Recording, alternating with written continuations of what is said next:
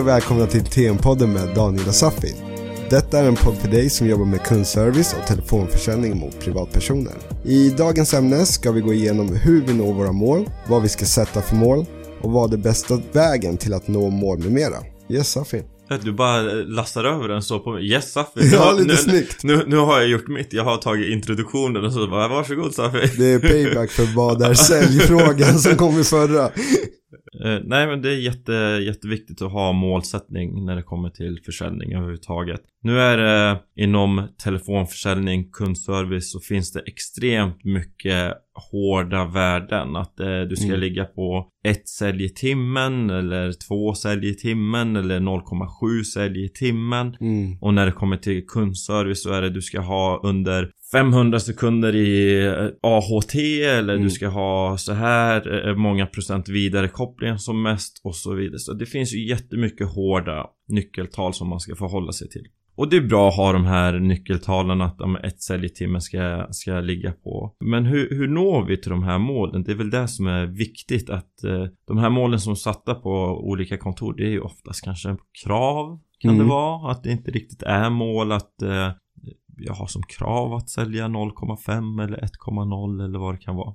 Och redan här har vi ett bekymmer när det kommer till målsättning. Att eh, det som kommuniceras eller det vi sätter upp för oss själva verkligen är ett mål och inte enbart ett krav. Mm. Jag, jag har jobbat med individer som haft mål som ligger under självaste kravet Mm. och jag blir lika förvånad varje gång jag får höra rutinerade säljare eller säljledare eller kundservicemedarbetare sätta mål som ligger på samma nivå som självaste kravet. Mm. För det första så kommer kravet att bli till ett mål. Så om jag sätter upp ett mål att uppfylla 100% av min kvot och det i självaste verket är ett krav att jag ligger på 100% Då kommer jag själv att vara väldigt nöjd med min prestation när jag hamnar på 95% Mm. För det är ju inte så långt ifrån målet som jag satt för mig själv. Så siffran vi sätter blir siffran som vi förhåller oss till. Nu känns det här som att nörderi igen. Ja. Att eh, förra avsnittet så lyfte jag upp ordet allt. Men det här är också på ordnivå när det kommer till de här målsättningarna. Att eh, det är så ofta vi ska försöka och göra vårt bästa och göra vårt yttersta och så gott vi kan när vi sätter upp de här målen. Och det är att jag, jag hamnar inom försäljning, inom telefonförsäljning och sen så får jag en utbildning och sen så är jag jättemotiverad, jätteinspirerad till att göra ett bra jobb och sen så tänker jag att ah, men nu ska jag verkligen försöka, jag ska göra mitt bästa Mm. till att sälja så mycket som möjligt. Och detta gör att Jag garderar mig från att misslyckas genom att jag tänker jag ska försöka. Exakt. Och mitt bästa är också en gardering. Mm. Och så mycket som möjligt är väldigt diffust. Det finns inget konkret mätbart på hur mycket jag ska. Så då är det jätteviktigt att sätta upp ett konkret mål för sig själv. Att jag ska sälja så här många abonnemang. Säg 100 abonnemang. Mm. Eller 200 abonnemang under den här månaden. Inte försöka utan ska. Och sen så hur många dagar kommer jag jobba? Mm. Hur många timmar? Hur många samtal får jag och hur många sälj ska jag ha under varje timme? Nu har vi brytit ner det. Nu har vi brytit ner det till det minsta och sen så kan vi mycket lättare nå de här målen. Mm. Men att eh, lägga upp, jag ska försöka.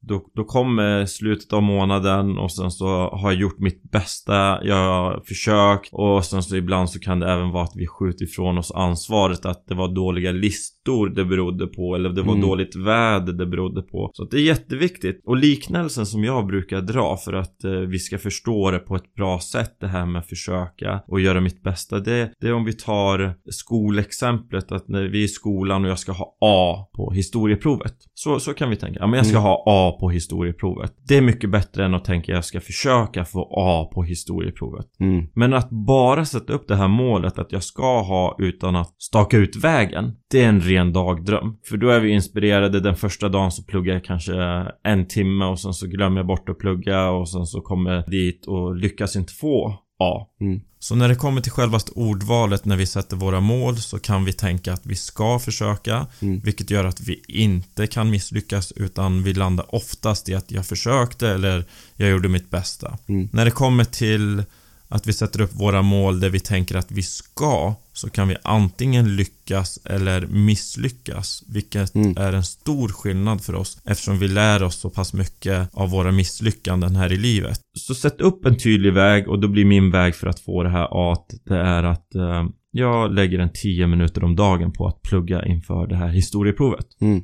Bra, konkret, mätbart. Så kommer jag och gör min tenta, gör mitt prov och jag får ett B. Nu helt plötsligt så har jag misslyckats. Så 10 minuter räckte inte för mig. Så jag lägger en 20 minuter om dagen och kommer fram dit och får ett B. Ha, det räckte inte med 20 minuter heller. Så jag lägger en timme om dagen och kommer fram till tentatillfället och får ett B. Mm. Oj. Två timmar om dagen, fortfarande B. Och nu börjar de här tankarna smyga sig på att eh, jag har en dålig historielärare. Eller hur? Det är ju lätt att vi kan tänka så. Jag har en så dålig mattelärare. Det är jag har så stressigt dålig... runt om. Det är stressigt runt om ja. Mm. Ja, det är mycket på hemmafronten. Ja. Så att det är inte riktigt mitt fel här. Men den vägen stryper vi som, som säljare. Så att eh, två timmar om dagen, det räcker inte för mig. Och sen så lägger jag tre timmar om dagen och får mitt B, fyra timmar B, fem timmar B. Och då kan tankar smyga sig på att nej men det här med historia, det är inte riktigt min grej. Matte är inte min grej och så vidare. Så vi vill gärna skjuta ifrån oss ansvaret när vi misslyckas. Nu har jag lagt tid på att lära mig, men misslyckas ändå. Så tiden är inte det enda som avgör att lyckas från att misslyckas för oss att nå våra mål. Så istället för att lägga fyra timmar om dagen och så landa i slutresultatet att eh, historia är inte min grej så lägger jag en tre timmar en dag på att läsa en bok om studieteknik och sen så lägger jag en kvart om dagen och sen så får jag mitt A. Mm. Så att det är jätteviktigt vilken väg vi väljer att vandra. Jag söker mig till kunskap istället för att jag ska testa mig fram Mm. att sälja så här många abonnemang eller sälja så här många prenumerationer av något slag. Så går jag till sådana som har gjort det eller så läser jag om försäljning eller så går jag till min gruppledare, till coachen att okej vad har du för tips, tricks och råd att ge mig? Mm. Så att jag inte uppfinner det här hjulet själv och uppfinner det på nytt. Exakt. Så testa sig fram är ju farligt här. Så sätt upp ett tydligt mål, konkret, mätbart. Sen så stakar jag ut vägen att jag lägger en fem minuter om dagen på att läsa någonting om försäljning eller fem minuter om dagen och lyssna på mina egna samtal eller fem minuter om dagen vad det nu kan vara. Och sen så sakta men säkert så kommer jag nå det här målet. Och jag har stenkoll redan från början om jag ligger back eller om jag ligger före. Och det är mycket bättre än att slutet på månaden bara whoops, oj. Det, Mm. det var inte min grej det här. Det- Det var dåligt väder ute eller vad det kan vara. Verkligen. Och jag tror också när man, eh, som du säger, lägger upp en plan sådär. Mm. Om du inte lägger upp den planen så vet du inte vad du ska reflektera om om du inte når målet. Så det är jätteviktigt att ja, skriva ner den planen så att den blir tydlig för dig själv också. Mm. Inte bara en tanke utan så här ska jag gå tillväga för att nå det här målet. Och när du når målet då vet du att det var en bra plan. Är det ett högre mål nästa gång då tar du vara på de verktyg du har använt som har fungerat från den planen och skippar dem från de gånger när det inte fungerat. Men gör man inte den reflektionen eller antecknar det på något sätt så Nej. blir det inte tydligt alls. Och då, I slutet av månaden så har du glömt bort vad som var den vinnande faktorn. Den är fantastisk. Mm. Det är lätt att komma ihåg vad man har gjort fel. eh, Verkligen. Men det är många gånger som vi glömmer bort vad det är som vi har gjort som är rätt. Och den är jättebra. Ja, för det måste jag påminna säljare om än idag liksom. Men kom du ihåg den här månaden, då gjorde du ju så här, så här, så här. Mm. Ja, just det, det gjorde du. Det var ju det som var det vinnande konceptet till att du fick det här resultatet liksom. Men då, då är man väldigt glad bara och glömmer bort och inte Mm. ta vara utan bara, jag är grym. De hade tur kanske. Ja, jag är grym eller det, är det var bra listor Ja, exakt. den här Bra månaden. Ja, tur. Exakt, så att det är väl det. Men, och sen antingen skriva ner det. Det är väl många som jag lyssnar på som så här framgångsrika personer som alltid, när de börjar sin plan, skriv ner det varje dag. Så upprepa att ja, men jag ska bli det här till exempel. Mm. Varje dag. Så att det blev, att de projicerade tanken till att ja, men jag ska bli det liksom. Mm. Eh, och gör du inte det utan bara tänker på det en gång och sen håller på med något helt annat i två veckor framöver. Mm. Då blir det inte samma mål heller på det sättet, att Nej. du ska dit. Utan tvinga lite själv. Och Det kan ju vara tråkigt när du inte är där och bara, ja men jag ska bli det här och börja tro att det inte kommer bli så. Mm. Men när du väl skriver ner det upprepade gånger så kommer du projicera tanken att det ska bli så och därför blir det lättare att nå ditt mål. Liksom. Det gjorde jag. När jag skrev när jag skulle bli coach, för jag hade, trodde inte på att mina ledarkunskaper på så sättet. Men då skrev jag hela tiden, ja men jag ska bli coach och när jag blir coach coach ska jag undervisa på det här sättet eller lära ut teknik på det här sättet Mm. som är min stil. Och på så sätt blev det att jag peppade mig själv Mm. också, men upprepade gånger påminner mig själv vad mitt mål är, så jag inte glömmer bort det. Det här med att nöta är ju så viktigt. Du sa i något avsnitt, jag vet inte om det var med eller inte var med, Ja, det här med att dra ett streck. Vi refererar kanske lite löst om att ja, men, dra ett streck. Att du, du hade som mål, eller har som mål att du ska dra ett streck om dagen. yes. Och det är det som är viktigt. Det är det som kommer leda fram till målet. Att det är det här lilla konkreta som gör att du kommer eh, komma dit till slutresultatet. Verkligen. Och inte tappa, tappa den rutinen. För det kan ju vara så att man tänker när man har gjort det upprepade gånger under längre tid att Mm. ja, men vad ska det här leda till? Men bara att du lägger den tiden Mm. kommer ju leda till någonting för framtiden. Så är det och det är för er som sysslar med musik så är det här glasklart att när sitter jag och övar en fem minuter om dagen Mm. på pianot det är mer värt än om jag skulle öva en 40 minuter en gång i veckan. Tid hinner gå emellan Mm. vå- våra övningssessioner och sen så hinner vi reflektera lite också kring det vi har gjort under dagen. Men eh, att sätta upp mål kan ju vara också jag vet på yngre nivåer när jag har yngre säljare som första dyra väskan de ska köpa eller någonting Mm. sånt och räkna ut hur många sälj är den väskan, hur Mm. många pinnar krävs för att du ska ha den väskan. Mm. Så du bryter ner ditt mål också inte bara säger ja men jag ska ha den här dyra väskan Nej. och inte bryter ner vad det är i jobbet. Mm. Utan bryter ner det vad det är så blir det lättare att beta av och när du är halvvägs eh, och räknar på det här så kommer du tänka shit nu är det inte mycket kvar liksom. Mm. Men eh, räknar du inte på det då har du ingen koll om det är nära eller inte så hur ska du kunna nå målet då? Det är som att hitta en öde ö utan karta liksom. Mm. Så att verkligen växla om pengarna som det är som det kostar att göra den här resan eller köpa den här väskan. Veta ner det i pinnar, orders, hur många kalla kunder är det, hur många varma kunder är det. Så att du vet vad du ska göra när du kommer in på jobbet. Mm. Och därefter blir det mycket lättare att jobba. Och du kan få en boost av det när det väl går bra. Men sitter du inte och reflekterar om det då säljer du i, med blind liksom. Mm. Kalla kunder och varma kunder. Att det hela tiden lever kvar det där. Det gör ju det. Det, Det- är en stämpel och någonting som vi pratade om i förra avsnittet. Att sätta stämpel på folk. Ja, Vilka det, som är kalla, varma ja, och då, det är nya kunder och befintliga kunder. Ja, Kanske ord. bättre. Ja. Och det, jag hörde någon story om eh, en säljare, skoförsäljare, som set up shop eh, i ett annat land där de inte har skor. Ja, Den, eh, så finns det en skoförsäljare som skulle tänka Nej, gud, här har ju inga skor så det går inte att sälja skor till de här.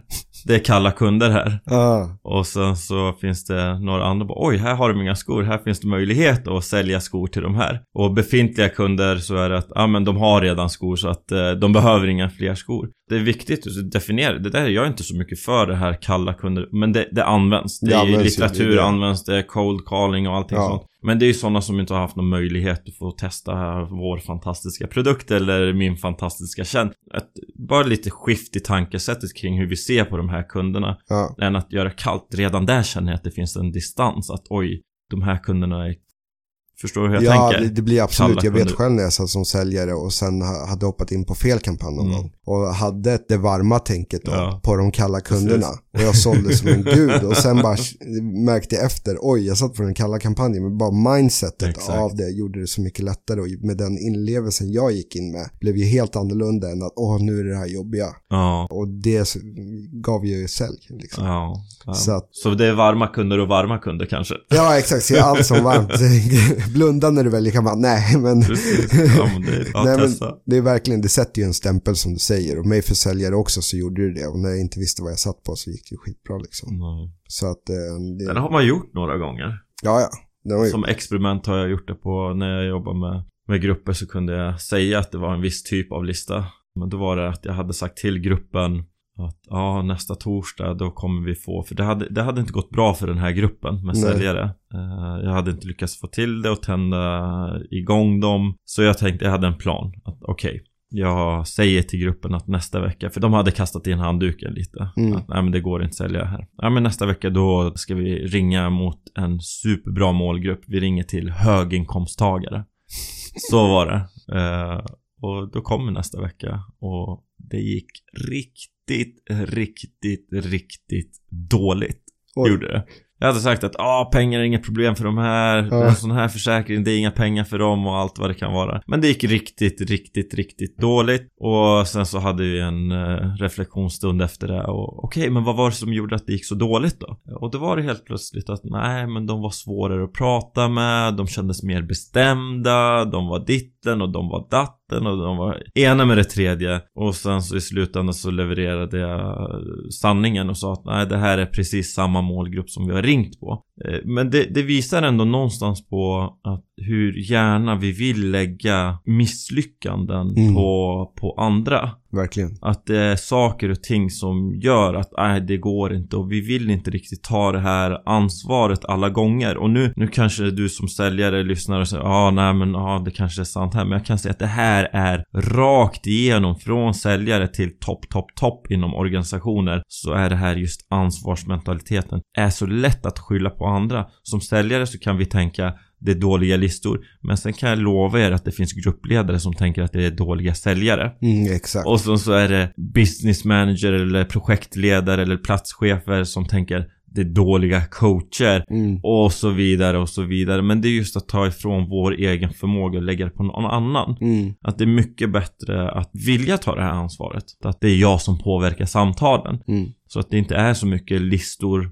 Det är, vet jag lista så är det mer, det är den här strategin jag använder. Exakt. Och är det en annan list, typ, då är det den här strategin jag använder. Jag, jag pratar på det här sättet. Jag pratar mycket snabbare med de här typerna av kunderna. Är det befintliga kunder så, så bekräftar jag att det är, det är våra kunder och ja men vad kul. Lite Mm. sådär. Att det är hej hej på ett eh, annat sätt. Än om det är sådana som vi inte har någon relation till. Så det är jätte, jätteviktigt att det är mer information för mig att veta vilken strategi som jag ska ta under samtalen. Än att information för mig att säga okej det här går inte och det här går. Ja men verkligen. Jag har också varit med om den när man, när jag har sagt att det är nya listor men så är det fjolårets listor. Men de har gått in med inställningen att det är helt nya varma och det har de verkligen presterat också. Sa du fjolårets listor? Ja men vi brukade kalla det så. Är fjolårets listor. ja, what? Körde med fjolårets?